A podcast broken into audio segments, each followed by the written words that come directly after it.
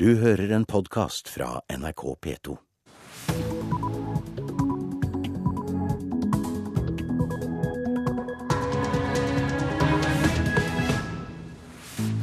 Vi er kommet til tirsdag 30. oktober. Klokka er halv sju, og du lytter til Nyhetsmorgen. I studio Øystein Heggen. Vi har disse hovedsakene i dag. Den tropiske stormen Sandy har feid innover USAs østkyst i natt og ført til store ødeleggelser. Det forteller New Yorks ordfører Michael Bloomberg.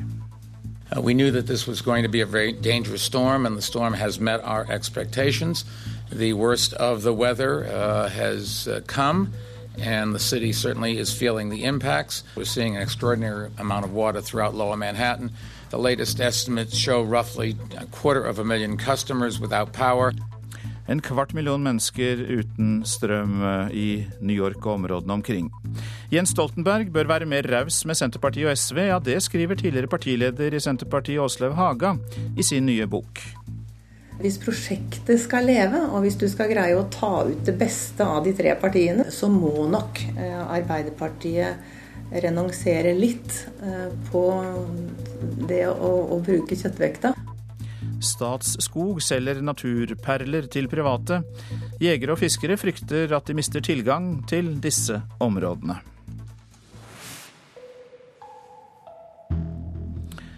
Ja, orkanen Sandy har i natt herjet langs østkysten av USA. Den er nå nedgradert til tropisk storm, riktignok, men har gjort omfattende ødeleggelser på sin vei. Denne samtalen gjorde jeg med USA-korrespondent Jon Gelius bare et par minutter før sendingen startet. Ja, Det er at orkanen Sandy, som eh, like før den traff eh, land i natt, ble nedgradert til en slags superstorm, har krevd minst elleve menneskeliv i løpet av eh, natten under uværets herjinger langs den amerikanske østkysten. Over fem millioner amerikanere er nå uten strøm i elleve delstater. Nærmere 700 000 av dem bare i New York. Uværet fortsetter innover land. Det er fortsatt vindkast på rundt 100 km i timen. Det er kraftige regnbyger, og det er fortsatt stor fare for flom de neste dagene. Hvordan blir dette taklet av amerikanske myndigheter? Ja, Her er man på alerten eh, og har vært det gjennom hele natten. Eh, og Det pågår nå eh, særlig opprydningsarbeid i New York, som er hardest rammet.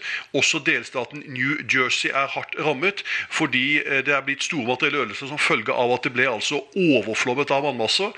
I New York har vann rent ned i T-banetunneler og biltunneler, og pumper går nå på høygir for å få vekk vannmassene.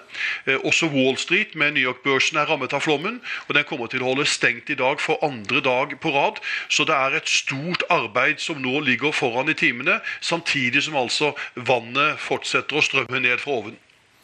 Så vi kan jo trygt si at uh, det som skulle være den viktigste hendelsen i USA denne uka, nemlig presidentvalgkampen, er kommet fullstendig i skyggen av dette uværet? Ja, det må man kunne si. Nå er det bare Sandys herjinger og opprydninger de neste 24-48 timene som kommer til å stå i medienes fokus. Eh, valgkampen som nå går inn i sin aller siste uke, er det få som snakker om eh, nå, naturlig nok. Husk på eh, dette uværet har lammet all kollektivtransport i New York. Eh, langs hele østkysten er om lag 15 000 eh, flyavganger innstilt som følge av uværet. Skoler og offentlige kontorer holder stengt. Eh, og det er også flere ting som tyder på at det er altså stor fare for flom de neste dagene. Så eh, Sandy kommer til å prege nyhetsbildet også de neste dagene.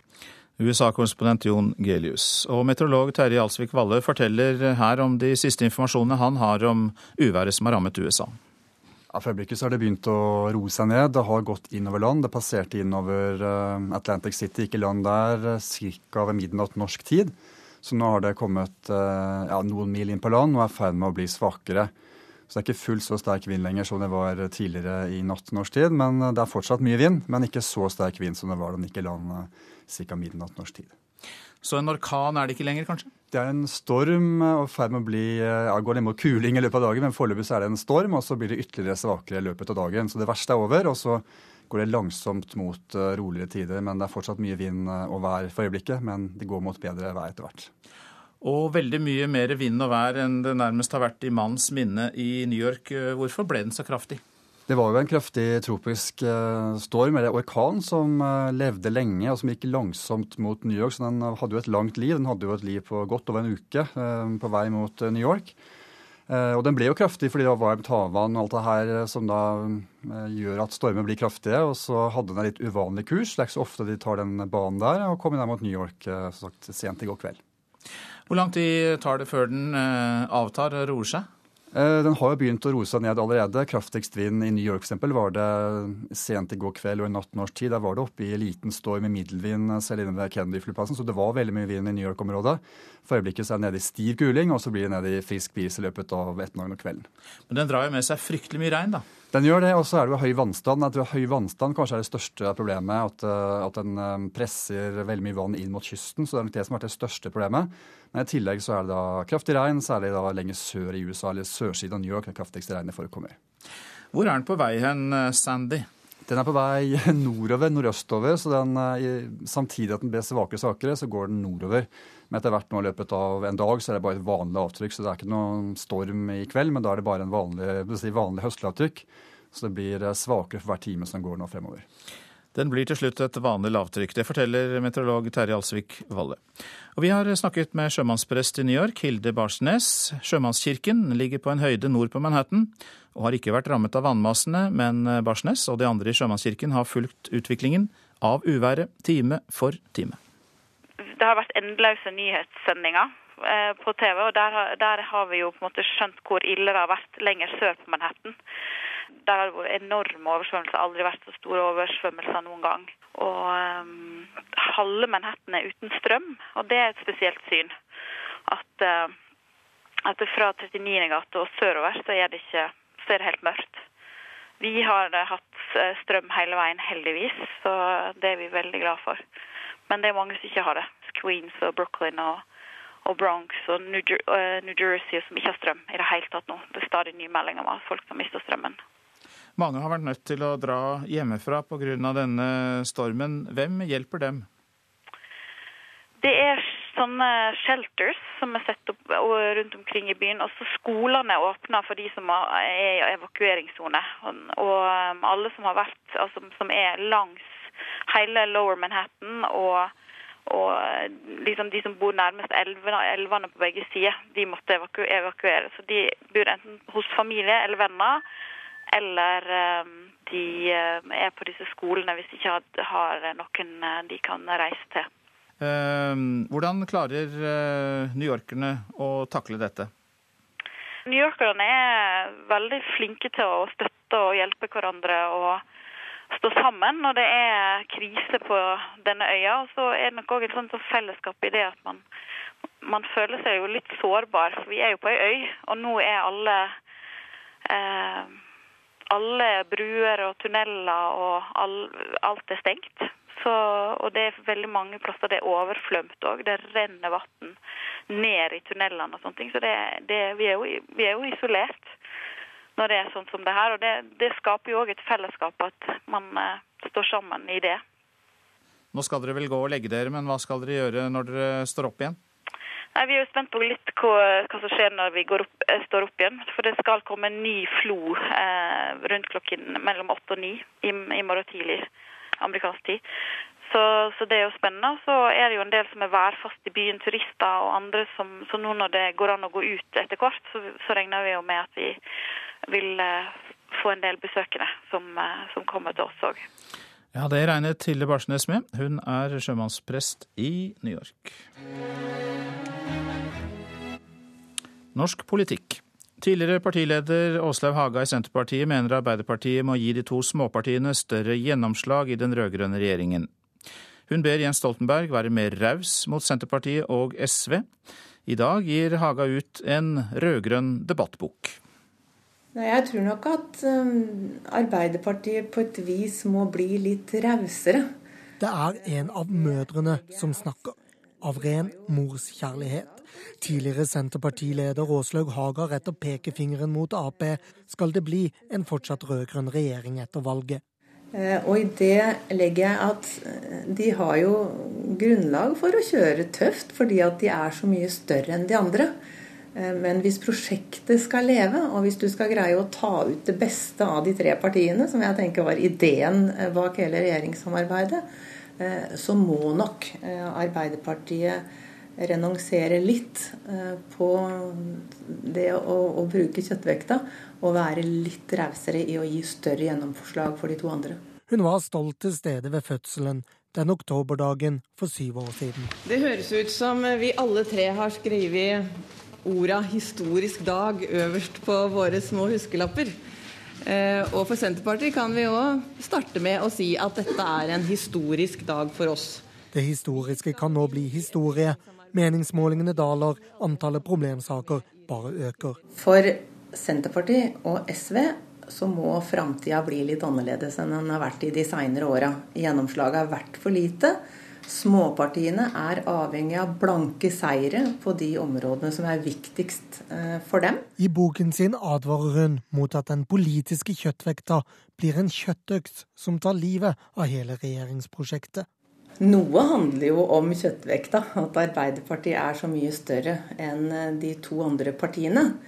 Men hvis dette skal være et samarbeid som vil vare over tid, så må du på et vis trekke ut det beste av alle tre partiene. Du må overse kjøttvekta, tror jeg, i eh, noen grad. Eh, for hvis ikke småpartiene kan levere på sine kjerneområder, så er det umulig for dem å leve i et regjeringssamarbeid med et stort parti. For de må få gjennom større gjennomslag enn det de har hatt eh, i de siste åra. Arbeiderpartiets partisekretær Raimond Johansen svarer på telefon at Alle de tre partiene er jo enig i at vi skal gå videre til valget neste år for å vinne regjeringsmakt også for fire nye år. Så utgangspunktet er jo det aller beste. Så tror jeg alle skal ta med seg at man skal vise raushet, forståelse for uh, hvert enkelt av de partiene. Og det må ikke minst et stort parti som Arbeiderpartiet være opptatt av. og det, det er vi. Det var eh, Lars Nehru Sand som hadde laget reportasjen, og vi legger til at Åslaug Haga er gjest i Politisk kvarter når klokka er kvart på åtte i eh, disse programmene, altså P2 og Alltid nyheter om en drøy time. I september var det voldsomme demonstrasjoner i Kina mot Japan, og mange japanske eiendommer ble utsatt for skadeverk. Årsaken var konflikten om en ubebodd øygruppe i eh, Sør-Kina-havet, som begge land gjør krav på. Asia-korrespondent Anders Magnus, du er i Tokyo nå. og uh, Har det vært lignende opptøyer mot Kina i Japan? Nei, ja, Her er folk eh, veldig rolige. og Det var eh, noen som forsøkte å arrangere en demonstrasjon. Det kom 100 mennesker. Eh, så det ble nokså mislykket det hele. Det er eh, en helt annen stemning her i Tokyo enn, eh, enn, det, er, enn det, var i Beijing de septemberdagene. Slik du har registrert Magnus, i hvilken grad oppfatter folk i Japan Kina som en trussel? De har ikke gjort det til nå, eh, men det er nok mange som har fått et eh, endret syn på Kina og kineserne etter de voldsomme demonstrasjonene som har kommet som en stor overraskelse på folk flest her i Japan. Eh, og ikke minst så merker man jo nå at Kina, kineserne slutter å kjøpe en del japanske merkevarer, først og fremst biler, slik at at det blir eh, dårligere med eksporten fra Japan til Kina. Nå har jo ikke det blitt gitt utslag enda.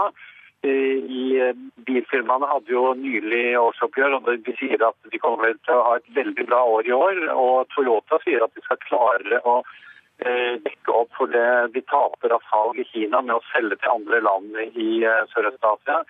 Så konflikten om denne øygruppen i Øst-Kina-havet kommer nok først og fremst til å bety at japanerne er nødt til å orientere seg mer mot andre deler av sitt omland enn så mye som de har gjort mot Kina til nå. Altså mer eh, en økonomisk innvirkning enn en eh, direkte politisk innvirkning på Japan, virker det som da. Men hvorfor er det da slik at kineserne hisser seg så veldig opp over dette, mens japanerne, i hvert fall folk flest, tar det noe roligere? Det rolig her, men eh, samtidig så er det nok også veldig bekymring eh, på regjeringshold. Og det vi har sett de siste dagene, er at eh, det har vært en det har vært ekstraordinære bevilgninger til Sjøforsvaret og Kystvakten særlig grad, fordi at den har fått mye å gjøre med å patruljere områder rundt disse øyene. Og Det som skjer nå, er at nasjonalister i begge land får vind i seilene og klarer å skape premissene for en konflikt som egentlig ikke burde være der, som ikke har vært der tidligere i noe særlig grad, men som nå bygges opp. Kanskje mye også fordi at Kina ønsker å vise seg fram overfor omverdenen, og særlig her i Asia, at de er sjefen. og De er en makt man er nødt til å regne med, og de vil ha gjennomslag for det de selv mener er rett. Mange takk skal du ha, Asia-korrespondent Anders Magnus, som altså var med oss fra Tokyo. Så til norske aviser. Akershus universitetssykehus på Lørenskog mangler både senger og folk, men 40 minutter unna står et sykehus tomt, skriver Dagsavisen. Stensby sykehus på Eidsvoll er nylig pusset opp, men det skal selges til private. Lag en ny felles plattform, er tidligere Senterpartileder Åslaug Hagas råd til regjeringspartnerne. Uten en ny plattform taper de rød-grønne valget, sier Haga til Dagens Næringsliv. Én av to strøk i matte, skriver Aftenposten om lærerstudentene ved Høgskolen i Oslo og Akershus. Det er dobbelt så mange som i fjor, mens det i resten av landet gikk litt bedre med matteeksamen. Veldedighetsball for fattige barn med champagne og treretters middag, skriver Dagsavisen om stiftelsen Sabona, som driver hjelpearbeid i Zimbabwe. Glitter, glamour og giverglede i Oslo ga 300 000 kroner til brønner og fødeklinikk i Zimbabwe. Sabonas leder, Ingvild Solholm, er imponert over givergleden. Regjeringen laget i 2008 en hemmelig protokoll som skulle begrense framtidige jordbruksoppgjør, skriver Nasjonen. Det avsløres også i Åslaug Hagas bok, men hun trakk seg fra avtalen, og den ble ikke noe av. Vi selger ut arvesølvet, skriver Klassekampen om Høyre og Fremskrittspartiet, som vil oppheve hjemfallsretten og delprivatisere Statkraft. Eierskapet til de norske vannkraften vil dermed ende på private hender, skriver avisa. Det er farlig for helsen å frykte alderdommen, skriver Bergens Tidende. Forsker Linn Heidi Lunde tar et oppgjør med aldersforakten, og det verste er myten om at det er nytteløst å lære eldre noe nytt. Bjøro Haaland pryder forsiden av Fedrelandsvennen. Den folkekjære countryartisten ble i går hedret med St. Olavs orden av første klasse. Få overgrepsavhørte barn får legesjekk, skriver Adresseavisen. Vi har ikke nok kapasitet, sier overlege Arne K. Myhre ved St. Olavs hospital. Omstridte uttalelser i NRK-programmet Trygdekontoret om overgrepssaken i Vågå er på forsiden av VG, mens musikeren Arve Tellefsen forteller Dagbladet om sykdomsdrama som fikk ham til å avlyse konserter.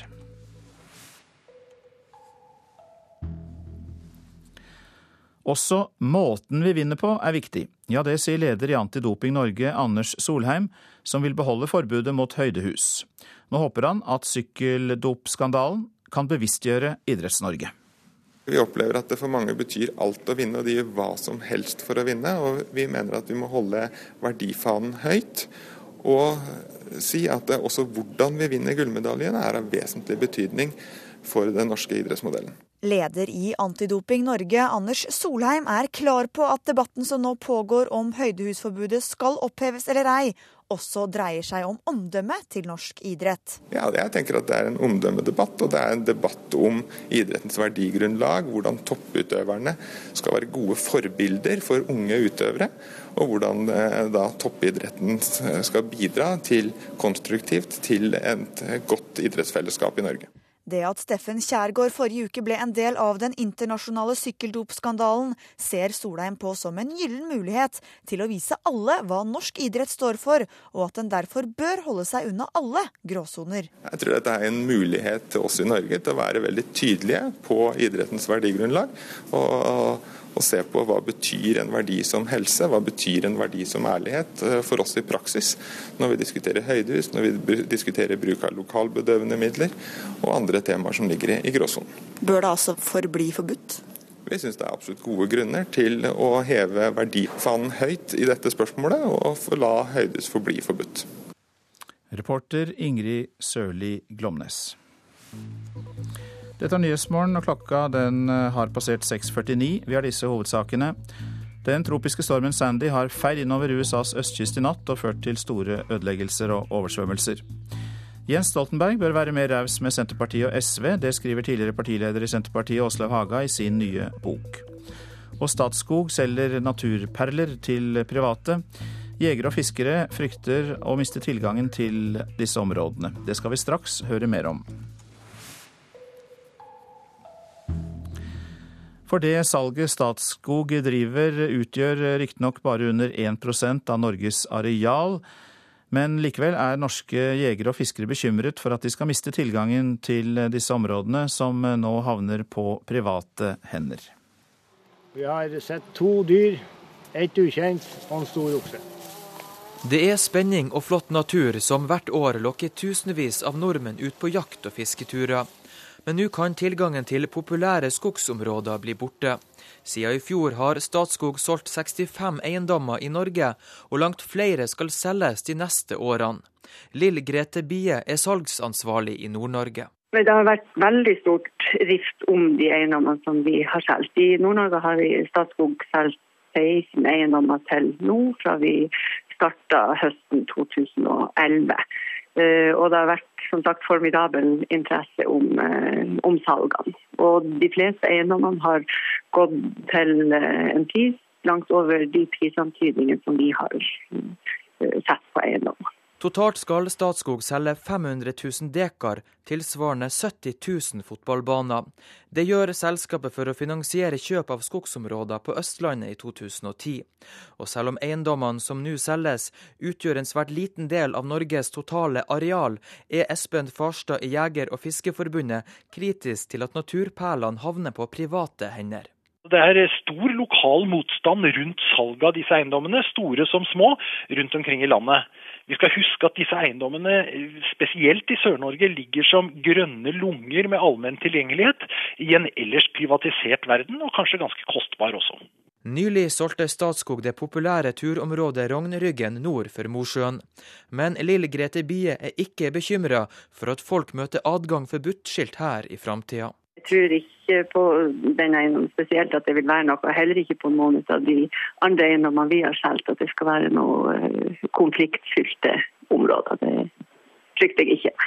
Nei, det, er et, det er et litt dårlig og vikarierende resonnement fra Statskog sin side. for det, det, det, finnes ikke noe garanti for at man kan jakte og fiske på disse områdene med, allmen, med et allment perspektiv i framtiden, når det blir privatisert. Så Det er de facto feil, vil jeg si. Men Statskog har jo sin beveggrunn for dette. De har jo en eier som stiller krav til inntjening osv. Så videre, sånn at det er jo eh, rent skogsdriftsmessig så er det sikkert en fordel. Men i forhold til å ivareta allmennhetens muligheter for å jakte og fiske på statsgrunn, så eh, gir Statskog litt etter her.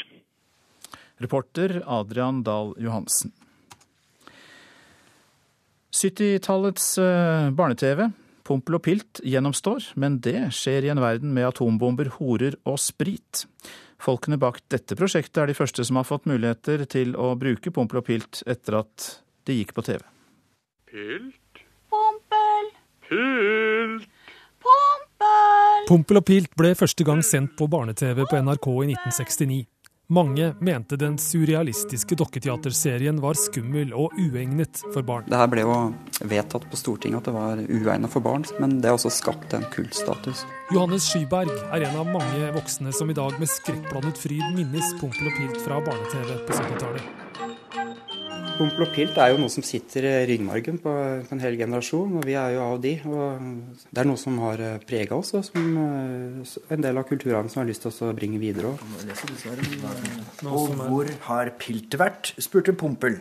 Ingen steder. Nå jobber Johannes Skyberg og filmfotograf Sverre Galgum i Traktor med en kombinert film-, dokketeater- og konsertversjon av Pompel og Pilt et vanlig dukketeater så sitter du kanskje langt unna, og så er det bitte små dukker som er litt større enn en hånd. Så vi må liksom utnytte den muligheten til å vise nærbilder. Filmene lages av Sverre Galgum.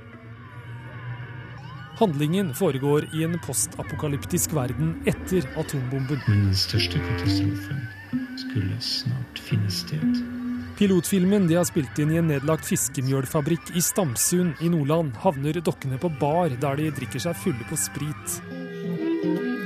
Det er vel ikke for de aller minste, men ungdom tror jeg kan tåle å se dette her. Produksjonsselskapet og ensemblet Traktor fra Hedmark og Oppland, bestående av klassisk utdannede musikere og filmfotograf, er de første som får rettigheter til å bruke figurene Pompel og Pilt.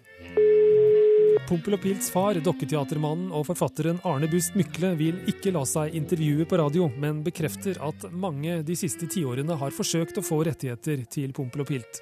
Grunnen til at han nå sa ja, er at det hørtes spennende ut, sier han til NRK.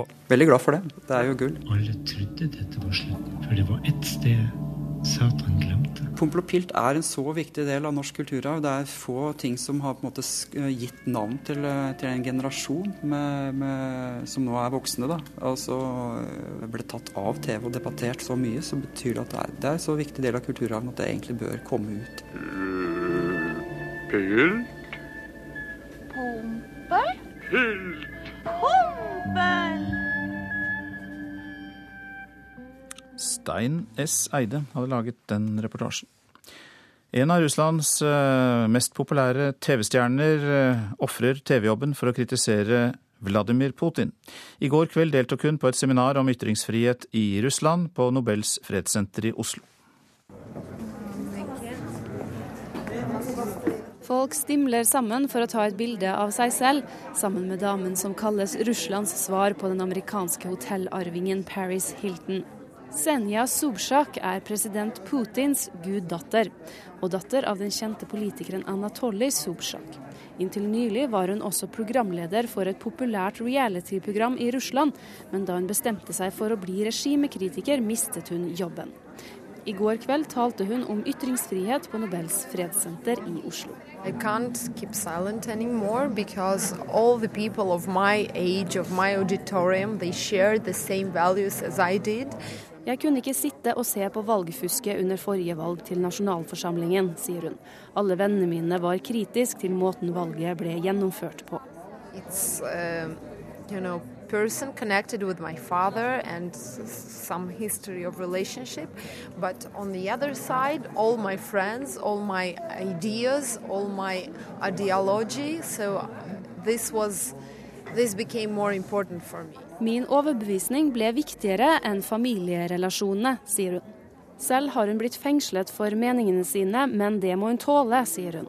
For det er ingenting mot hva folket vårt risikerte under Stalins regime, sier hun. Now we are saying so much about like how heroic we all are, but we are not.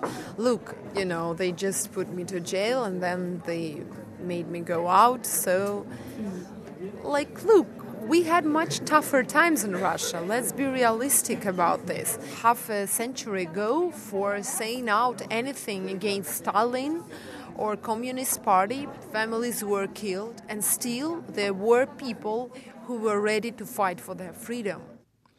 Reporter var Eirin Venås Sivertsen, og hun har også snakket med den russiske ambassaden, som sier at det ble meldt om problemer under siste valg i landet, men at det generelt sett ble godtatt av en hel verden.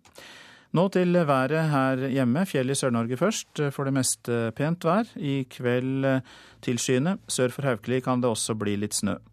Østafjells for det meste pent, utpå dagen skyr det til. Mot kvelden eh, litt regn i Vest-Agder eh, og sludd og snø i indre og høyere strøk. Utover kvelden kan det også da bevege seg regn nordover til Telemark. Vestlandet sør for Stad. Fra ettermiddag sørøst liten kuling på kysten. Enkelte regn- eller sluddbyger på kysten, ellers opphold. Og til og med perioder med sol. Det kan seint i ettermiddag bli litt snø i eh, Rogaland. Møre og Romsdal og Trøndelag enkelte sludd- eller regnbyger på kysten første del av dagen, og for det meste skyet i Nord-Trøndelag. Ellers oppholdsvær og perioder med sol. I kveld pent også i nordlige områder. Helgeland, Saltfjellet, Salten og Ofoten. Østlig liten kuling utsatte steder. Fra i ettermiddag sørøstlig frisk bris, tilskyende og litt snø. Mest snø i grensetraktene. Lofoten og Vesterålen lettskyet oppholdsvær. I kveld eh, spredte snøbyger, sluddbyger i Lofoten. Troms og Finnmark får liten kuling utsatte steder. Skyet på vidda, ellers stort sett pent vær. I ettermiddag tilskyende og litt snø i Finnmark. Nordensjøland på Spitsbergen. Lettskyet oppholdsvær, ganske enkelt. Temperaturer som ble målt klokka fire i natt. Svalbard lufthavn minus seks, Kirkenes minus åtte. Vardø minus fem. Alta har vi ikke fått inn, men Tromsø-Langnes hadde minus sju. Bodø pluss én grad, Brønnøysund pluss to, Trondheim-Værnes minus to, Molde minus tre, Bergen-Flesland minus to, Stavanger null grader, Kristiansand-Kjevik minus én, Gardermoen minus tre, Lillehammer minus fire, Røros minus seks og Oslo-Blindern hadde minus én grad klokka fire i natt. Og eh, straks etter klokka sju skal vi høre mer om stormværet som har rammet USAs østkyst, og bl.a. snakke med stortingsrepresentant Knut Storberget, som har oppholdt seg i New York i natt. Du hører en podkast fra NRK P2.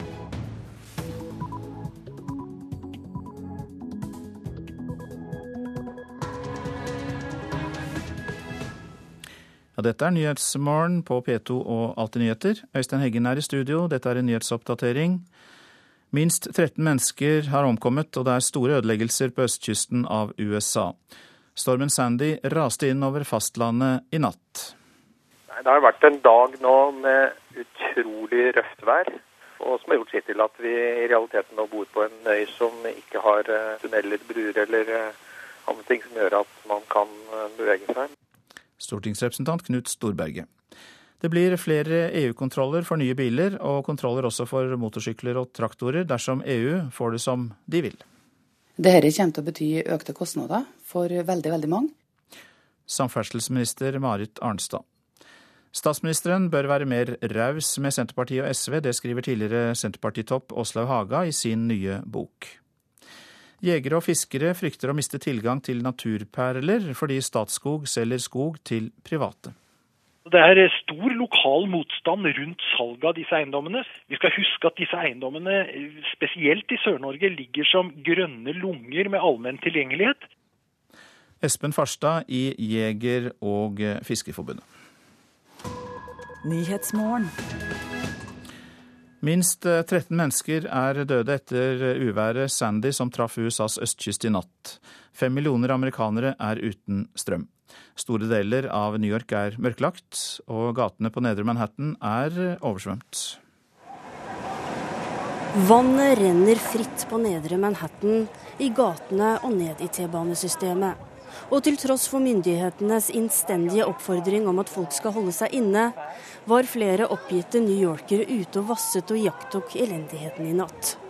Rundt 700 000 innbyggere har mistet strømmen bare her. Sjømannsprest i New York, Hilde Barsnes, har holdt seg inne og fulgt med på lokale nyhetssendinger. Det har vært enorme oversvømmelser, aldri vært så store oversvømmelser noen gang. Og um, halve Manhattan er uten strøm, og det er et spesielt syn at, eh, at fra 39. gate og sørover så er, det ikke, så er det helt mørkt. Vi har eh, hatt eh, strøm hele veien, heldigvis, så det er vi veldig glad for. Men det er mange som ikke har det. Queens og Brooklyn og, og Bronx og New, New, Jersey som ikke har strøm i det hele tatt nå. Det er stadig nye meldinger om at folk som mister strømmen. I Virginia er brannmannskapene ute og sjekker om det går bra med folk som har barrikadert seg inne mot uværet. For andre dag på rad holdes aksjemarkedet stengt i USA. Det er første gang på over 100 år at markedet har vært stengt i to dager pga. uvær. Sandy ble nedgradert fra en orkan til en superstorm før den traff kysten. Men når dagslyset kommer, vil skadene likevel være betydelige. Det sa reporter Tanje Tonje Grimstad. Og stortingsrepresentant Knut Storberget jobber nå ved FN i New York. Han har opplevd uværet som rammet Manhattan. Det har vært en dag nå med uh, utrolig røft vær. Uh, særlig nede på nedre del av Manhattan, hvor man jo har sett vann strømme inn i både gater og T-bane og, og, hus.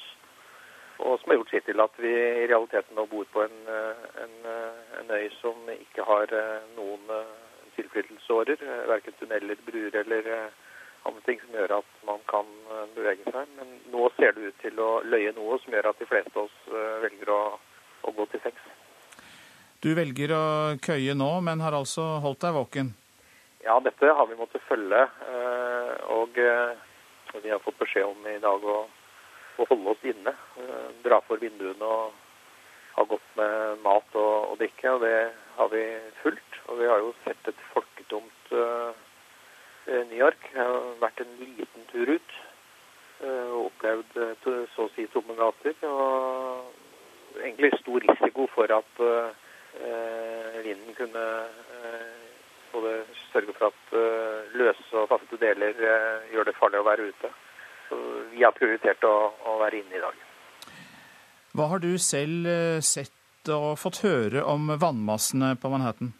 Ja, det er enorme eh, vannmasser, og som jo man nesten aldri har opplevd i New York, til tross for at eh, det ligger slik til som det gjør.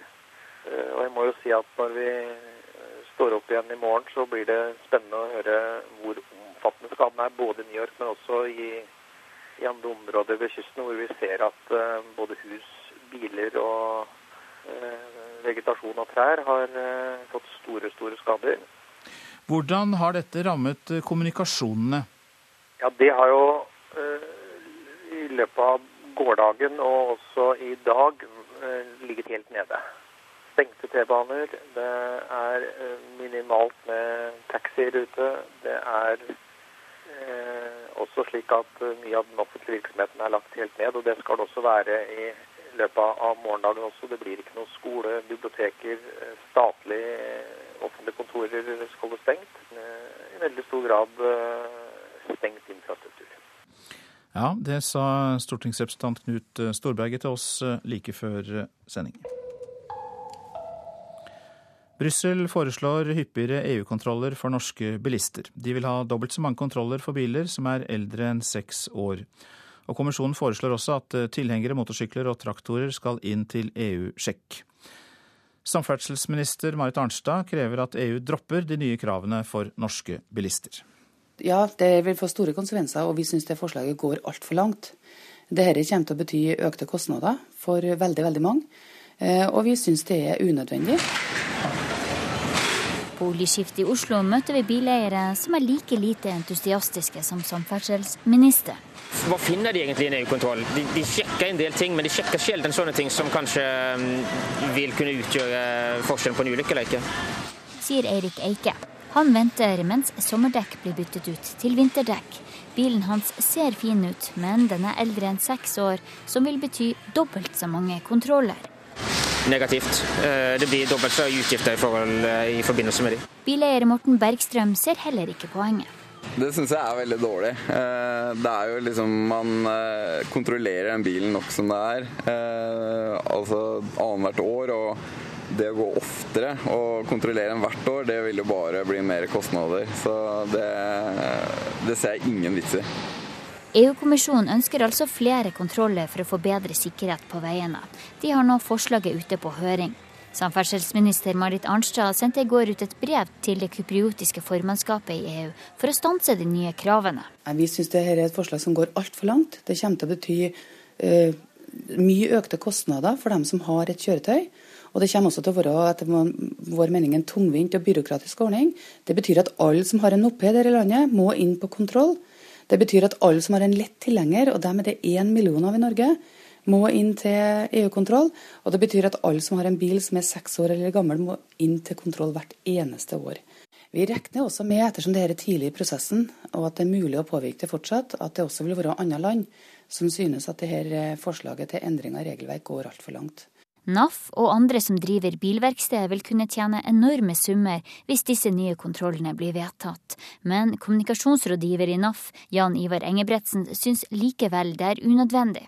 Nei, altså Vi har jo sett på tall eh, rundt eh, trafikkulykker og, og om det tekniske feilene som er angitt som årsaker til ulykkene, så, så, er det forferdelig lite i forhold til totalen. Og, og da syns vi det er veldig unødvendig å påføre bileierne den ekstrakostnaden som dette skjer.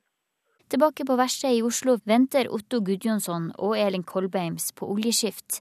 De tror faktisk at det kan være et poeng at noen passer bedre på om vi passer på bilene våre, selv om det vil koste. Ja, det syns jeg. Så, så, må man jo tenke om det andre som kanskje ikke så, uh, passer så godt på, på bilene sine. Reporter her, det var Linda Reinholdsen.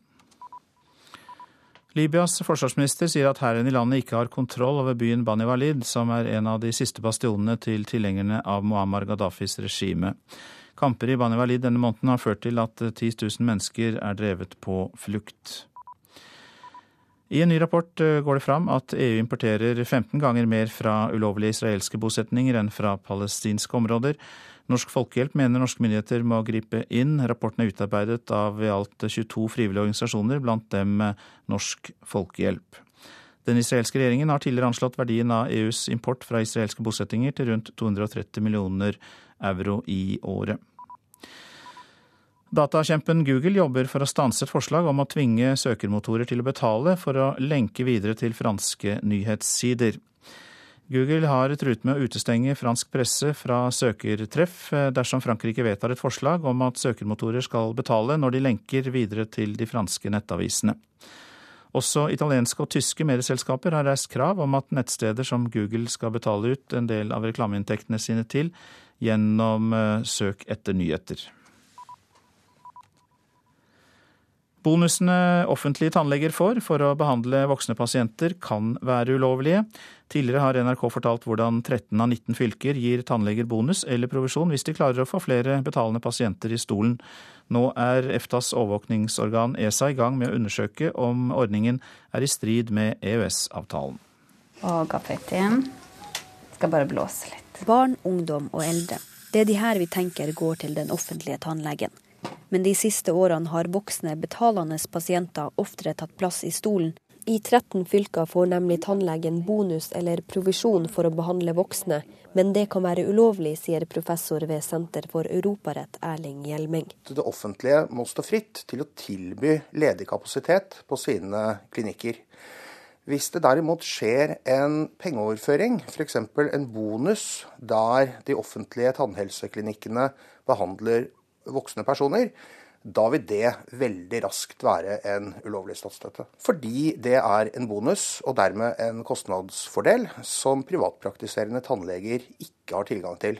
Nå har ESA fått to klager fra privatpersoner som mener tannhelsetjenesten får nettopp ulovlig statsstøtte.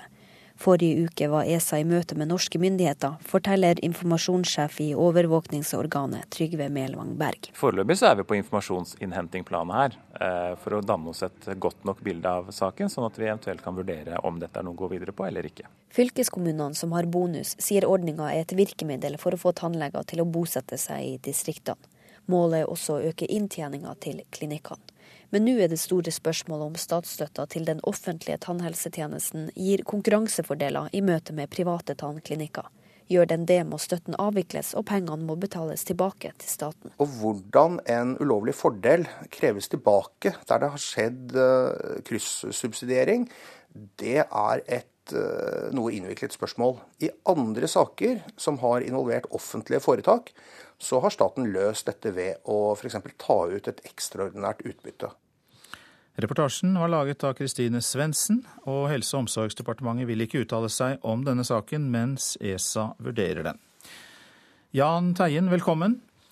God dag. Du er hovedstyremedlem i Tannlegeforeningen og har jobbet mye med offentlig tannhelsetjeneste. Og eh, ja, er bonusordningen ulovlig?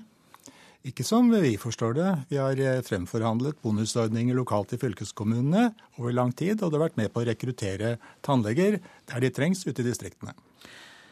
Ja, det het seg jo her at det kan være fullt uh, greit og tillatt å tilby lederkapasitet uh, ved offentlige tannleger, men at man gir bonus, det blir noe helt annet. Skiller ikke de to tingene seg fra hverandre? Det gjenstår å se, det skal ikke vi avgjøre. Den er under behandling. Det vi kan si så langt, det er at tannhelsetjenesten i Norge er bygd ut over hele landet og skal gi et helhetlig tilbud til befolkningen. Det gjelder barn og ungdom, prioriterte grupper, men også voksenbehandling, spesielt i distriktene. Men hvordan stiller Tannlegeforeningen seg til at dette kan virke urettferdig inn overfor eh, privatpraktiserende tannleger? Vi ser ikke at det skal være noen eh, forskjell her, eller at det skal Det kan ikke vi avgjøre så langt det, den blir behandlet av ESA. Og det avventer vi. Det har vært et rekrutteringstiltak for, for å få tannleger til den offentlige tannhelsetjenesten. Men jeg tenkte at uh, dere ville ha noen medlemmer i Tannlegeforeningen som driver privat, og som er uh, temmelig sure over en sånn ordning hvor offentlig ansatte tannleger får bonus? Nå skal vi si det at Den bonusen er ikke stor, og der de får mest, det er i distrikter hvor private tannleger ikke er. Og den offentlige tannhelsetjenesten har vært bygd ut i stor skala der ingen private tannleger har vært. Så dette er tilbud til hele befolkningen. Og for å rekruttere tannleger til de stillingene, så befolkningen får den tannhelsetilbudet de har rett på, så har det vært et av de lønns- og arbeidsbetingelsene som har vært nødvendig å bruke. For at jeg skal få dette helt klart for meg, du mener da, Jan Teien, at uh, både offentlig ansatte og private tannleger i Tannlegeforeningen syns denne ordningen er helt OK? Jeg tror den vanlige medlem, enten det er offentlig eller privat, ikke har noe imot det. Og det er ikke noe motsetningsforhold mellom de to gruppene. De lever godt sammen. Men så kommer altså ESA inn, altså dette kontrollorganet, og øh, kritiserer dette. De er skeptiske i hvert fall og skal undersøke bonusordningen. Hva vil det bety hvis de slår fast at man ikke kan ha den type statsstøtte? Ja, Så langt så eh, har jeg fått forståelsen av at de skaffer seg informasjon om hvordan den offentlige tannhelsetjenesten i Norge fungerer. Eh, og det stiller vi oss avventende til hva de vil svare på det. Og eh, mer enn det kan vi ikke si på det nåværende tidspunkt. Hva ville det bety for rekrutteringen av tannleger i distriktene? For du var inne på dette selv, at dette var et rekrutteringstiltak også. Det er klart. Det har skaffet stabilitet rundt i, på klinikkene ute i distriktene. Og siden det er en del av den allmenne lønns- og arbeidsbetingelsene, så vil det være et tap hvis denne blir borte. Men vi ser framover positivt, og vi tror at dette lar seg løse på en god måte. Hvordan eh, tjener da en tannlege i det offentlige sammenlignet med en privat tannlege, for å, for å ta det bildet til slutt her? Nå er det sånn at eh, på lik linje med at private akademikere tjener mye mer enn offentlige akademikere, så er det også slik at private tannleger tjener mye mer enn offentlige tannleger. Og I den sammenhengen så har dette vært et av rekrutteringstiltakene for å få litt balanse i det. Men likevel så tjener man mye bedre som privat tannlege enn det det offentlige kan tilby. Og dermed har denne bonusordningen for å få noen flere private pasienter til de offentlige tannlegestolene vært velkommen? Eh, ja, slik vi ser det, så har det vært fornuftig. Men vi skal være klar over at i dag så behandles det færre private, eh, tann, eller, private pasienter i offentlig virksomhet enn det de gjorde tidligere. Så dette har ikke hjulpet? Eh, jo, nå snakker vi historisk fordi det er færre offentlige tannleger. Ok, takk skal du ha, Jan Teien, hovedstyremedlem i uh, Tannlegeforeningen. Du lytter til Nyhetsmorgen. Klokka går mot 7.17, og dette er hovedsaker. Minst 13 eh, personer er omkommet og 5 millioner mennesker er uten strøm i USA. Stormen Sandy har ført til store ødeleggelser. Brussel vil ha hyppigere EU-kontroller for norske bilister. Det kan bli dyrt for mange, mener samferdselsministeren. Og eh, som vi hørte nettopp, bonusen offentlige tannleger får for å behandle voksne pasienter, kan være en ulovlig statsstøtte. I hvert fall så skal ESA, eh, e kontrollorganet til EU, undersøke dette. Så til politisamarbeidet med Pakistan, som er for svakt og må styrkes. Det sier i hvert fall Høyres leder Erna Solberg. Hun frykter at nivået på samarbeidet i dag eh, ikke klarer å forhindre kriminalitet, og at eh, det kan utgjøre en sikkerhetsrisiko. Erna Solbergs bilkolonne på vei til et møte i den norske ambassaden i Pakistan. Høyre-lederen brukte mye tid på å sette seg inn i situasjonen til den nordiske politiattachéen, som er norsk. I dag må hun bruke det meste av sin tid på utleveringssaker og drap. Hvitvasking av penger, narkosaker og terrorbekjempelse er det lite tid til, bekrefter ambassadør Cecilie Landsverk. Nei, Det er mange krevende arbeidsområder innenfor politifeltet her. I møte med norske og lokale ambassadeansatte fikk Høyre-lederen bl.a. vite at i dag ikke er kapasitet til å sjekke om de som får visum til Norge, er de som faktisk bruker visumet til å reise til Norge. Mangelfulle politiregistre gjør at det er vanskelig å sjekke om de som søker visum, har en kriminell bakgrunn. Eh, dette er en sikkerhetsrisiko som vi må passe på. Jeg tror jo at da er jo kanskje sterkere politisamarbeid en viktig ting å tenke på fremover. Også for å få opp registre, for å få opp systemer. Pga. dødsstraff i Pakistan kan ikke Norge inngå noen utleveringsavtale. Men pakistanske myndigheter har signalisert at de ønsker et tettere samarbeid. Dette vil skje om Høyre får regjeringsmakt. Det jeg lærer her, er at vi er nødt til å løfte politisamarbeidet til et høyere nivå. Altså Vi er nødt til å tenke mer ressursmessig rundt disse spørsmålene. For Det dreier seg både om norsk sikkerhet, men det dreier seg også om norske borgeres sikkerhet når de er her i Pakistan, eller og tilknytningen til kriminalitet. Vi ønsker ikke å importere kriminalitet til Norge. Høyre-leder Erna Solberg til reporter Philip Lote. Ja, Nettopp dette med politisamarbeid, Khalid Mahmoud, velkommen til deg. Du er jo bystyrerepresentant for Arbeiderpartiet i Oslo og vararepresentant på Stortinget. Du har jo kunnskap om eh, Pakistan. Hvordan oppfatter du samarbeidet slik det fungerer i dag? Ja, så Samarbeidet i dag er jo egentlig på det minste, det minimale, som egentlig er der. Og den er veldig lite synlig. Eh, det andre inntrykket jeg sitter inne med, det er at dette bare er enveissamarbeid. Det vil si at man egentlig fra norsk hold eller fra europeisk hold ofte stiller krav til Pakistan. Og deretter har man lite å gi, gi tilbake når Pakistan f.eks. har behov for å ha noe gjenytelse. Og dette fører til en sånn mistillitssituasjon som gjør at dette samarbeidet egentlig er eh, forholdsvis ganske dårlig for tiden. Så Erna Solberg har en alliert i deg med at noe må gjøres? Altså Noe må jo vel gjøres hvis man egentlig ønsker å gjøre, men her er jo også eh, spørsmål om hvordan Øyre har tenkt, eller Erna Solberg har tenkt å gjøre, gjennomføre det i praktisk eh, gjennomføring av dette her. Fordi, men du, du, har kanskje noen forslag? Ja, altså mitt forslag er jo egentlig det som jeg ofte har hørt fra det pakistanske hold eh, når det gjelder samarbeidet i forhold til Europa og for Norge også, for den saks skyld. Det er at de ofte tror at her kommer man krav. Man vil gjerne at eh, Pakistan skal yte tjenesten, Pakistan skal gi informasjon. Men når Pakistan for eksempel, har behov for å få noe tilbake. F.eks. personer som oppholder seg her, personer som kommer og søker asyl her. Og når Pakistan f.eks. har behov for å få informasjon om dette her, da går man til menneskerettighetene og man taushetsloven i Norge og sånn, og nekter å gi ut informasjon og utveksle informasjon. Og på den måten så blir det eh, et tillitsbrudd mellom de to landene. og Derfor så tror jeg også at Pakistan egentlig ikke klarer å yte den tjenesten og ikke yte den servicen som egentlig man trenger for å få til dette samarbeidet. Men skal jeg oppfatte det slik at samarbeidet ville blitt mye bedre hvis Norge var mer villig til å gi Pakistan informasjon og lytte på råd fra pakistansk hold, at det ikke er en ensidig at ikke dette samarbeidet går én vei, slik du oppfatter det? Nei, altså jeg mener at eh, sånn Til dags dato så er vel slik en holdningen eller forståelsen i de, i de pakistanske myndighetene at man egentlig er bare interessert i å få til et samarbeid når man egentlig har behov for noe her. Men når de f.eks. har behov for noe, og utveksle eh, informasjon på sånn likeverdig nivå, så får de ikke det til. Eh, og da oppfatter de det på en måte nærmest som en sånn liten arroganse eh, fra eh, vestlig hold.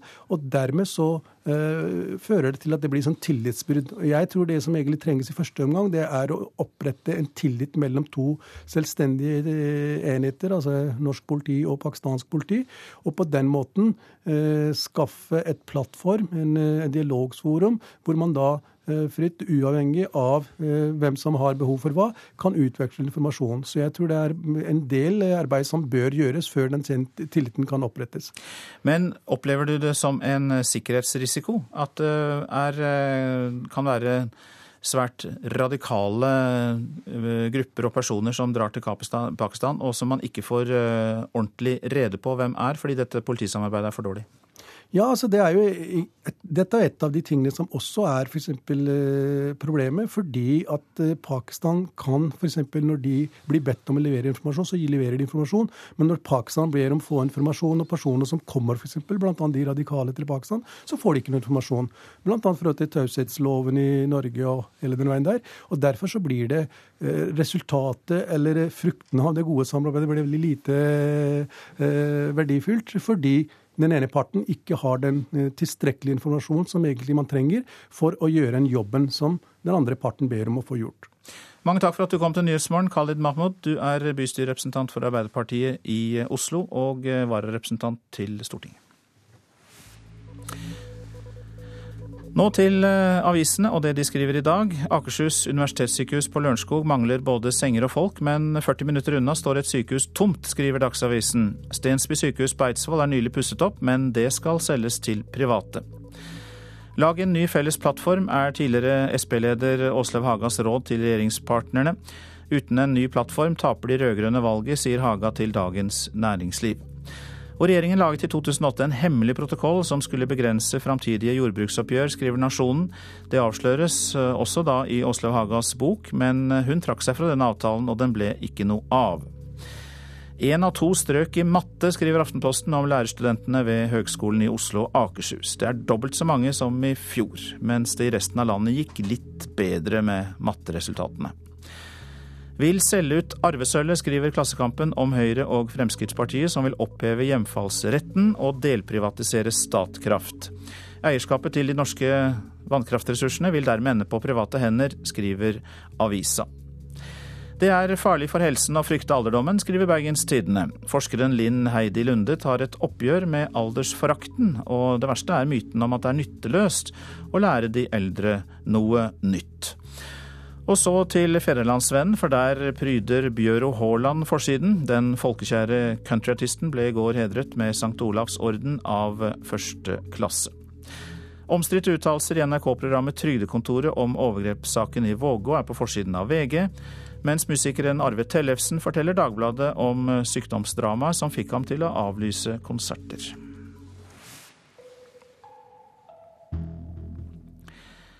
Senja kirkelige fellesråd i Troms besluttet tidligere i år å stenge flere kirker i nesten to år pga. innsparinger.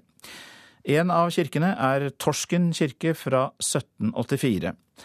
Og den avgjørelsen ble en vekker for bygdefolket. Skal vi gjøre det? Skal vi ta det? Vi har gjort så mye annet galt.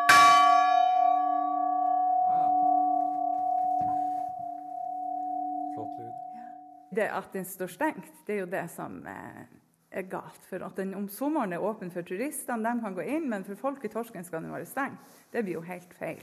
Det er jo vår kirke. Britt Sørensen er nærmeste nabo til den rødmalte kirka i Torsken. Hun har et sterkt forhold til kirka, som nå ikke bare står tom, men som også trenger flere reparasjoner. Jo, den blir jo ofte beskrevet som en perle eller et smykke i festtaler. Og festtaler har det jo vært. Vi har jo hatt, vi har jo hatt Bjerkås, og i vår var det jo jubileum for henne. Og og folk sier den er, det er så fint, og det er masse klenodiumer, det masse fine ting i den, og den er fin. Men det hjelper jo ikke hvis den står og råtner ned. For den ærverdige trekirka trenger rehabilitering. Flere taksteiner har falt ned. Det mangler et beslag oppe på spiret. Malinga er skallet av, både innvendig og utvendig. Og det er flere spor etter vannlekkasje, viser Håvard Hansen. Her ser du da tydelig her hvor vannet har runnet. Så du ser spor etter vann her. Og det er jeg har da prøvd å lete og finne ut hvor, hvor, det kommer. Jeg vil tro det er oppå spiret. Og det manglende beslaget ser ut spiret. Eh, så gjør det her. Så det haster meg. Det skal vi få, få eh, utbedra så snart som mulig. Og få eh, i hvert fall gjort en midlertidig eh, reparasjon av den lekkasjen. Nå har Britt Sørensen og Håvard Hansen og flere andre utflytta torskenværinger starta en aksjon. Ikke bare for å få kirka reparert, men også for å få den i bruk igjen. Vi forlanger at det blir reparert. Og vi lager ei støtteforening som eh, ja, Vi skal både vise med bilder de skadene som har skjedd, men vi skal også prøve å vekke folk med å trekke frem gamle minner. Vi skal snakke med gamle prester som har vært, få dem å fortelle. Vi skal vise bilder og få fortellinger fra kirkelige handlinger, gamle kirkesøndager, konfirmasjon, barndåper, brylluper, sånne ting. Sånn at folk føler at kirka er en plass eh, som er viktig for oss.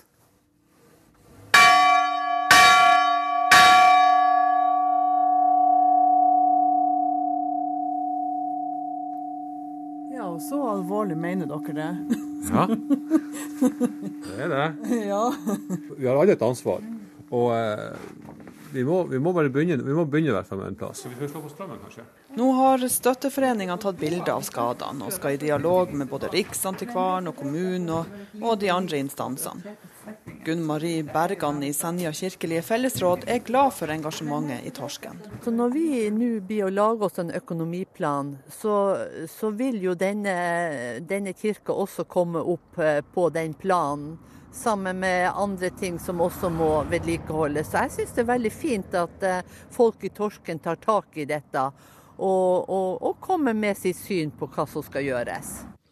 Ja, det sa leder Gunn Mari Bergan i Senja kirkelige fellesråd. Reporter i Torsken var Linda Pedersen.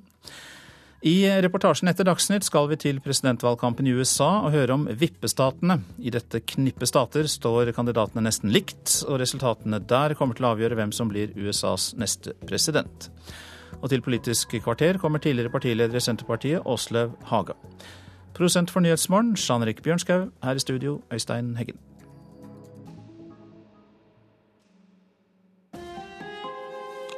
Hør ekko. Et eple faller til bakken pga. gravitasjon, sa Newton, og så beskrev han det matematisk. Her er en ny og bedre beskrivelse av gravitasjon, sa Einstein 200 år seinere, relativitetsteorien. Men var det sannheten han hadde funnet, eller vil vi smile litt av Einstein også om nye 200 år? Ekko 9 11 i NRK P2. Orkanen Sandy har krevd flere menneskeliv det siste døgnet. EU vil ha oftere kontroller av norske kjøretøy. Og bonus til offentlige tannleger kan være ulovlig statsstøtte. God morgen, her er NRK Dagsnytt, klokka er 7.30. Minst 13 mennesker er døde etter at uværet Sandy kom inn over østkysten til USA i natt. Fem millioner amerikanere er ennå uten strøm. Store deler av New York er mørklagt, og gatene på nedre Manhattan er oversvømt. Vannet renner fritt på nedre Manhattan, og til tross for myndighetenes innstendige oppfordring om at folk skal holde seg inne, var flere oppgitte newyorkere ute og vasset og jakttok elendigheten i natt. Jarl Haugedal er hotelldirektør på Manhattan. De som kjenner meg, jeg fra Kristiansand, så er det noe jeg aldri sier, men det er helt jævlig for å være ærlig med det. Det er det verste jeg har sett i mitt liv. Det er vann overalt. Altså, alle gater er elver, alle gater er bare innsjøer. Så jeg prøvde å se hvor langt vi kunne komme for å kunne finne sandsekker og prøve å gjøre noe. Liksom. Men eh, for å hjelpe til, men det er ikke et sted å komme noen vei. For alt, eh, Trærne er knukket, det ligger overalt, det brenner i hus. Altså det, det, det, er det verste jeg absolutt har sett i mitt liv. USA-korrespondent Jon Gelius forteller om store herjinger fra uværet Sandy. Over fem millioner amerikanere er nå uten strøm i elleve delstater. Nærmere 700 000 av dem bare i New York. Uværet fortsetter innover land. Det er fortsatt vindkast på rundt 100 km i timen. Det er kraftige regnbyger, og det er fortsatt stor fare for flom de neste dagene. I New York har vann rent ned i T-banetunneler og biltunneler, og pumper går nå på høygir for å få vekk vannmassene. Også Wall Street med New York-børsen er rammet av flommen, og den kommer til å holde stengt i dag for andre dag på rad. I Virginia er brannmannskapene ute og sjekker om det går bra med folk som har barrikadert seg inne mot uværet. Men allerede er det meldt om en rekke dødsfall på østkysten. Det fortalte reporter Tonje Grimstad. Vi hørte også USA-korrespondent Jon Gelius. Og meteorolog Terje Alsvik Vallø sier det verste uværet nå er over. For øyeblikket så har det begynt å roe seg ned. Det har gått innover land. Det passerte innover Atlantic City, ikke land der, ca. ved midnatt norsk tid. Så nå har det kommet ja, noen mil inn på land og er i ferd med å bli svakere. Så det er ikke fullt så sterk vind lenger som det var tidligere i natt norsk tid. Men det er fortsatt mye vind, men ikke så sterk vind som det var da den gikk i land ca. midnatt norsk tid. Det er en storm og i ferd med å bli ja, går ned mot kuling i løpet av dagen, men foreløpig er det en storm, og så blir det ytterligere svakere i løpet av dagen. Så det verste er over. og så går det langsomt mot roligere tider. For øyeblikket så er det nede i stiv kuling, og så blir det nede i frisk bris i løpet av ettermiddagen og kvelden. Intervjuer her var Øystein Heggen. EU foreslår hyppigere kontroller av norske biler. EU-kommisjonen foreslår at biler som er mer enn seks år, skal inn på kontroll hvert år. Videre blir det foreslått at også tilhengere, motorsykler og traktorer skal inn til EU-kontroll. Og dette er ikke populært blant bileiere som NRK møtte i Oslo. Hva finner de egentlig i en EU-kontroll? De, de, sjekker en del ting, men de sjekker sjelden sånne ting som kanskje vil kunne utgjøre forskjellen på en ulykke eller ikke. Sier Eirik Eike. Han venter mens sommerdekk blir byttet ut til vinterdekk. Bilen hans ser fin ut, men den er eldre enn seks år, som vil bety dobbelt så mange kontroller. Negativt. Det blir dobbelt så utgifter i, forhold, i forbindelse med de. Bileier Morten Bergstrøm ser heller ikke poenget. Det å gå oftere og kontrollere enn hvert år, det vil jo bare bli mer kostnader. Så det, det ser jeg ingen vits i. EU-kommisjonen ønsker altså flere kontroller for å få bedre sikkerhet på veiene. De har nå forslaget ute på høring. Samferdselsminister Marit Arnstad sendte i går ut et brev til det kypriotiske formannskapet i EU for å stanse de nye kravene. Vi syns dette er et forslag som går altfor langt. Det kommer til å bety uh, mye økte kostnader for dem som har et kjøretøy. Og det kommer også til å være etter vår mening en tungvint og byråkratisk ordning. Det betyr at alle som har en moped her i landet, må inn på kontroll. Det betyr at alle som har en lett tilhenger, og dem er det én million av i Norge, må inn til EU-kontroll. Og det betyr at alle som har en bil som er seks år eller gammel, må inn til kontroll hvert eneste år. Reporter var Linda Reinholdsen. Bostadpolitikken til regjeringa fører til store klasseskiller. Det mener tidligere leder i Senterpartiet, Åslaug Haga. I sin nye bok eh, minner hun om at regjeringspartiene vant valget med løftet om å minske skilnadene her i landet. Nå ber hun partilederne ta grep for å øke bostadskatten og ta fra folk store skattefordeler på bostadlån. Hva er det jeg skal nå? Nå får tidligere Senterpartileder Åslaug Haga et nettbrett på bordet foran seg. Et kart med Oslo-boliger til salgs. Mange blå prikker. Skal vi se. Hvis vi går ned til um, noen normal familie, si at den kan koste opptil 2,3 millioner, Der. så ser vi at det forsvinner veldig mange. Nesten ingen blå prikker. Kun igjen på østkanten. Dette til tross for syv år med en rød-grønn regjering som skulle minske forskjellene. Og Det er det som er uroa mi. At vi er i ferd med å få et uh, klassedelt uh, boligmarked. Og det er en utvikling som eh, den rød-grønne regjeringen ikke bør kunne leve med. Noe av ideen bak eh, det rød-grønne prosjektet var å utjevne forskjeller. Og dette er altså et av de områdene som er med på å utvikle nye klasseskiller eh, i Norge. Hun vil øke boligskatten og begrense boligfradraget. Ap er enig i diagnosen, men ikke medisinen. Håkon Haugli, boligpolitisk talsmann i Ap. Det å tro at vi gjennom grep i skattesystemet klarer å gi flere mennesker et sted å bo, det er misforstått. Vi kan sortere eh, køen om du vil, men så lenge det bor eh, folk i alle hus, så må det faktisk bygge mer om flere skal få et sted å bo. Ap må gi småpartiene seire, svarer Haga. Nei, Jeg tror nok at um, Arbeiderpartiet på et vis må bli litt rausere. Reporter Lars Nehru Sand. Bonusene som offentlige tannleger får for å behandle voksne pasienter, kan være ulovlig. Tidligere har NRK fortalt hvordan 13 av 19 fylker gir tannleger bonus eller provisjon hvis de greier å få flere betalende pasienter i stolen. Nå er EFTA sitt overvåkingsorgan ESA i gang med å undersøke om ordninga er i strid med EØS-avtalen og gaffatin. Skal bare blåse litt. Barn, ungdom og eldre. Det er de her vi tenker går til den offentlige tannlegen. Men de siste årene har voksne, betalende pasienter oftere tatt plass i stolen. I 13 fylker får nemlig tannlegen bonus eller provisjon for å behandle voksne, men det kan være ulovlig, sier professor ved Senter for europarett Erling Hjelmeng. Det offentlige må stå fritt til å tilby ledig kapasitet på sine klinikker. Hvis det derimot skjer en pengeoverføring, f.eks. en bonus der de offentlige tannhelseklinikkene behandler voksne personer, da vil det veldig raskt være en ulovlig statsstøtte. Nå har ESA fått to klager fra privatpersoner som mener tannhelsetjenesten får nettopp ulovlig statsstøtte.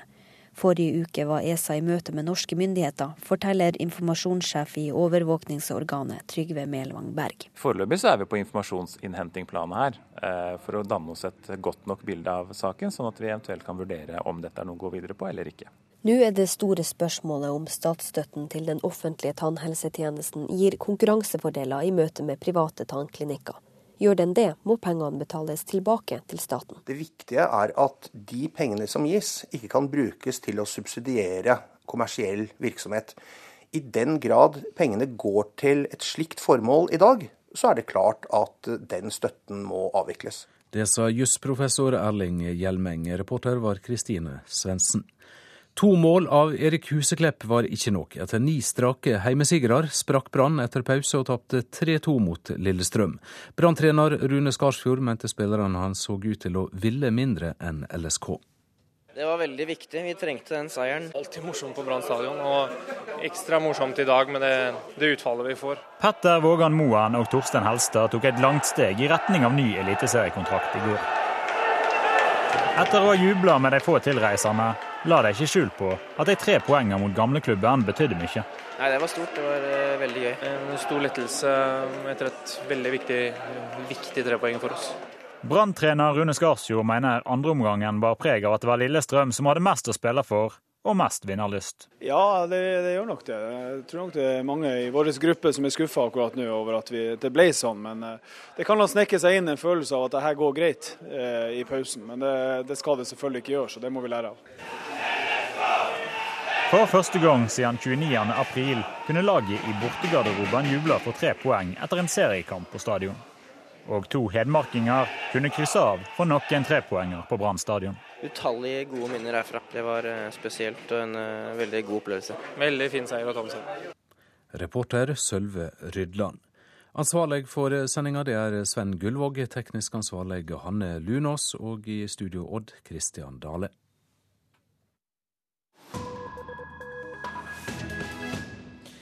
Radioen din står på P2 eller Alltid nyheter, for nå hører du på Nyhetsmorgen. Presidentvalgkampen i USA er nå inne i sin siste uke. Pga. orkanen Sandy så har både Barack Obama og Mitt Romney avlyst besøk til de viktige vippestatene. Det er delstater der de ligger jevnt i oppslutning, og som kommer til å avgjøre hvem som vinner valget neste tirsdag. En av de viktigste vippestatene er Virginia. Kollega Wenche Eriksen har besøkt byen Leesburg. Well, um, officially an, a registered Republican. However, yes, the last election I voted Democrat. Right now, probably Mitt Romney. But you're not sure? Probably 85% sure, yes. De er vippevelgere i det viktigste vippeområdet i en av de viktigste vippestatene. Republikaneren Herman Llewellyn, som stemmer demokratisk, og Mike Craig, han som ennå ikke er 100% sikker på at det er Mitt Romney som får hans stemme. Kommentatorer mener at alt kan komme til å stå og falle på hvordan det nordlige Virginia, der disse to bor, stemmer på valgdagen om en uke. Kanskje blir det herfra, og ikke i Ohio, de kan komme, de avgjørende stemmene som sikrer Obama fire nye år i Det hvite hus, eller en seier for utfordreren Romney. Based on what's going on, particularly in Northern Virginia, it's a uh, it's a good example of what America is um, as far as uh, the various uh, cultures and the mix. Herman Llewellyn, som driver en liten kafé i den pittoreske småbyen Leesburg, har tatt det på kornet. Den tidligere konservative delstaten Virginia er blitt en vippestat fordi det er et USA i miniatyr. Med et mangfold av etniske grupper og kulturer, særlig i nord, stor aldersmessig og sosialøkonomisk spredning og politiske meninger over hele spekteret. En befolkning delt på midten, som landet i sin helhet. Jeg syns det er viktigere å se på hva den enkelte kandidaten står for, enn hvilket parti han tilhører, sier Herman. Som stemte på Barack Obama sist, og som kommer til å gjøre det igjen. I will be for Mr. Obama. Jeg thought he stabilized the ship because I really thought we were in economic uh, trouble. We had housing market, financial market, all in decline, and I think it took this long to stabilize. I think that he has a plan for the future, as he says, and I would like to see what that does. But last time, I actually voted for Obama last time. I thought we were going to bring change, but the change he brought, I didn't like. Mike Craig overrasker der han sitter bak kassa i modelltogbutikken han eier. Han som er 85% sikker på at han kommer til å stemme på Mitt Romney, stemte for Obama sist, men ble skuffet. Han håpet på forandringen Obama lovte, men likte ikke den han fikk. Sure Is it a question of either voting for Romney or not voting at all? Is that where you are now? No, I'm most likely going to vote for Romney. Mm -hmm. um, just waiting to see what happens. I really do not care at all for what President Obama did, you know, when our ambassadors were killed. I don't like what he's done the last couple times that people have struck out against this country and we just sat back and smiled. I think we need somebody that has some strength and some backbone.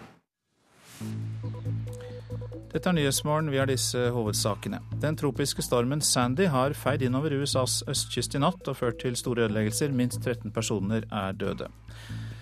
Brussel vil ha hyppigere EU-kontroller for norske bilister. Det kan bli dyrt for mange, mener samferdselsministeren. Bonusen offentlige tannleger får for å behandle voksne pasienter, kan være ulovlig statsstøtte. Ja, det mener jusprofessor. Og Da er det klart for Politisk kvarter, og du har fått besøk i studio av Åslaug Haga, programleder Bjørn Bø. Ja, Haga var en av grunnleggerne av det rød-grønne samarbeidet. Statsråd og Senterpartileder. Nå har hun skrevet bok. 'Rødgrønn' heter den. Og det er en slags familierådgivning.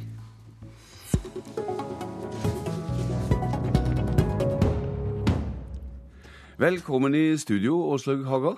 Tusen takk. De rød-grønne må fornye seg om de skal vinne valget, skriver du. Og du mener Arbeiderpartiet må gi SV og Senterpartiet blanke sigere om det skal lykkes. Hvordan kan du mene at et lite raust Arbeiderparti er grunnen til at det butter imot for de rød-grønne? Det er ikke den eneste grunnen, men det er veldig stor forskjell på å være et stort og et lite parti i regjering. De små partiene de har smale velgergrunnlag. Eh, og derfor er det viktig å vise for disse velgerne at du faktisk leverer. Eh, Arbeiderpartiet, det store partiet, har interesser på absolutt eh, alle samfunnsområder. Men SV, som et lite parti med begrensa velgerflate, er avhengig av å levere på sine kjernesaker, type miljø, type skole. Senterpartiet er avhengig av å levere på distriktspolitikk og landbruk, for det er der de henter velgerne. Mm. Så er jo Arbeiderpartiet i sin fulle rett til å bruke kjøttvekta. Eh, og, og, få mest gjennomslag eh, for sin politikk. Men det er ikke sikkert at det er lurt, hvis du er opptatt av at prosjektet skal leve over tid. Du skryter av Jens Stoltenberg som lagleder i boka, men det du sier nå kan knapt leses som annet enn kritikk også av han? Ja, jeg mener at Jens har greid å holde dette prosjektet sammen i, i sju år, som kjent. Og det er i seg sjøl en bragd. Eh, og så er Jens Stoltenberg en fantastisk kommunikator. Og det er en stor styrke for uh, dette prosjektet. Men uh, Det er ingen motsetning mellom uh, å, å, kunne, å, si det og det å si at jeg tror det ville være strategisk lurt å gi de to andre partiene mer rom. Dersom det er grunn til å sutre da, hvorfor bør ikke Senterpartiet like godt gå ut av regjering dersom de ikke får disse blanke sigrene og søker hjelp til sakene sine fritt i Stortinget? Nei, det, det skjønner, Dette er ikke sutring. Dette handler om politikk. Mm. Eh, og, og, jeg tror jo heldigvis det er sånn eh, at i Norge så vinner man fortsatt valg på politikk. Eh, jeg tror det ville være lurt da, av de tre partiene nå å sette seg rundt bordet og samtale mm. om hva de skal oppnå med makta de neste fire til åtte åra. Og, for, og, og, de må også samtale om hvordan de skal forklare det til velgerne. For du vet, dette er så ulikt fra når vi etablerte regjeringa i 2005. Eh, da var den rød-grønne regjeringa det var noe nytt og fresht. Eh, vi skulle ta over etter ei høyredominert regjering som utfordra på velferd. Og vi sa jo i bunn og grunn bare én ting vet du, i den valgkampen. Eh, og det var velferd framfor skattelette. Mm. Og det ga en retning på politikken. Nå har de styrt i sju år. Da må de synliggjøre hva de vil framover. Ja, du forteller i boka at du mener at uh, samhandlingene med den mektige lederen i Fagforbundet, Jan Davidsen, var et viktig grunnlag for denne regjeringsskipinga. Har dette rakna? Nei, men bare la meg forklare det som står om Jan Davidsen der. For her må en huske på at um, min erfaring var å ha sittet i Bondevik I-regjeringa. Uh, vi gikk av i år 2000 på gasskraftsaken. Vi ønska ikke sterkt forurensende gasskraftverk i Norge. Uh, det var Arbeiderpartiet som felte oss. Så min tillit til Arbeiderpartiet på miljøområdet uh, var begrensa. I tillegg er det jo et faktum at um, partiet ikke hadde stor tillit til Arbeiderpartiet på europapolitikken. Mm. Eh, og eh, vi var jo urolig for denne det vi kalte Lille alliansen i sin tid, at Høyre og Arbeiderpartiet fant hverandre i EU-sakene. Jan eh, Davidsen var med i forhold til meg Eh, og bygge tillit. og og, forklarte meg at eh, det ville være mulig å håndtere disse utfordringene. Mm. De familierådgivning den setter nærmest opp imperativ om et, et, slags ny felles erklæring før valget om nye djerve mål. Bostadpolitikken er et av dem. Og her er det skapt auka skilnader. Det var det du og Davidsen ville motarbeide. Mm. Ja, det er nye klasseskilnader under de rød-grønne, skriver du, og dette har du vært med på? ja, jeg var jo, var jo, ikke med så lenge, da. Men jeg tar ansvar for det jeg var med på, så til de grader. Og, men jeg, jeg, tenker at regjeringa skal være stolt av det den har fått til. Og på velferdsområdet er det masse å være stolt av. Så, og, og, og, det norske folk har hatt en fenomenal velferdsutvikling i de seinere åra. Men så er det sånn eh, at eh, forskjellene faktisk har økt i Norge. I den forstand at vi har flere fattige barn enn vi hadde i 2005. Vi har flere steinrike enn vi hadde eh, tidligere. Og dette er en utfordring for regjeringa. Og jeg tenker eh, det, det, det, må være helt greit å si at ja, vi har fått til mye, men vi har søren meg også en god del igjen eh, å gjøre. Det er ikke mission accomplished. Vi har, vi har mm. mer eh, å gjøre. Fått til mye, mer å gjøre, og så må vi tydeliggjøre mer hva vi skal gjøre fremover. Et tydeligere erklæring framfor valget neste år, altså. Du skriver også til dømes at det er ei gåte at vindmøller, og særlig vindmøller til havs, ikke har blitt ei vinnersak for regjeringa. Mm. Og her eh, kanskje imperativet ditt går i retning av at det må komme noe nytt før valget? Ja, absolutt. Og, og det handler um, ikke bare om fornybar energi, men det handler om hele næringspolitikken. Mm. Regjeringa har levert i bøtter og spann på velferd. Eh, men eh, man har vært eh, mer opptatt av å dele enn å skape, mener jeg, fram til nå. Og det må en ta tak i. Og jeg er grunnleggende urolig for at vi har et todelt næringsliv i Norge for tida, hvor olje og gass går så det griner. Og så har vi store utfordringer i å opprettholde den øvrige industrien landbruket reduseres. Eh, det er eh, vanskelig å se nå hvordan man skal greie å sikre verdiene i lokalsamfunnene rundt fiskeriene. Så det er nødvendig å ta tak i næringspolitikken, og der kommer også fornybarpolitikken inn. Og det er for meg helt ubegripelig at man ikke vil satse på det. For det vil på et vis gi alle tre partier noe. Det vil gi Arbeiderpartiet industriarbeidsplassene. Mm. Det vil gi SV miljøpolitikken, og, det vil gi Senterpartiet distriktsarbeidsplasser. Og vi kan bygge på de fantastiske naturressursene vi har, og kompetansen fra olje og gass. Det er bare vinn, vinn, vinn knytta til å satse på dette. Ja, Men når du da har eh, dette inntrykket, og du mener at her mangler det rett og slett eh, nyskaping i politikken, eh, kan det være slik at velgerne har blitt lei de rød-grønne siden du lå i barselseng med prosjektet? Vet du, jeg, jeg, tror ikke folk er lei det, men jeg tror at folk eh, har problemer med å se hva man vil med makta framover. Og, og, det er det man må uh, synliggjøre. Og da må du orke å si at det er ting vi ikke har greid å rå med de siste sju åra. Du må være tøff nok til å, å si det. Eh, og, det, er, det, er, ingen som heller kan forvente at alt skal være perfekt etter sju år. Men kan det være koalisjonsmekanikken i seg sjøl? Senterpartiet er til dømes kjent som et dugende forhandlingsparti, så det er kanskje litt overraskende at du mener at partiet og du sjøl var for dårlige i regjeringsforhandlinger? Ja, vi var, vi var, gode på noen områder, og så var vi dårlige eh, på andre. Tror... Til dømes som å gjøre tydelige erklæringer? Ja, Um, og det er et viktig poeng. Små partier er avhengig av å ha klare regjeringsplattformer.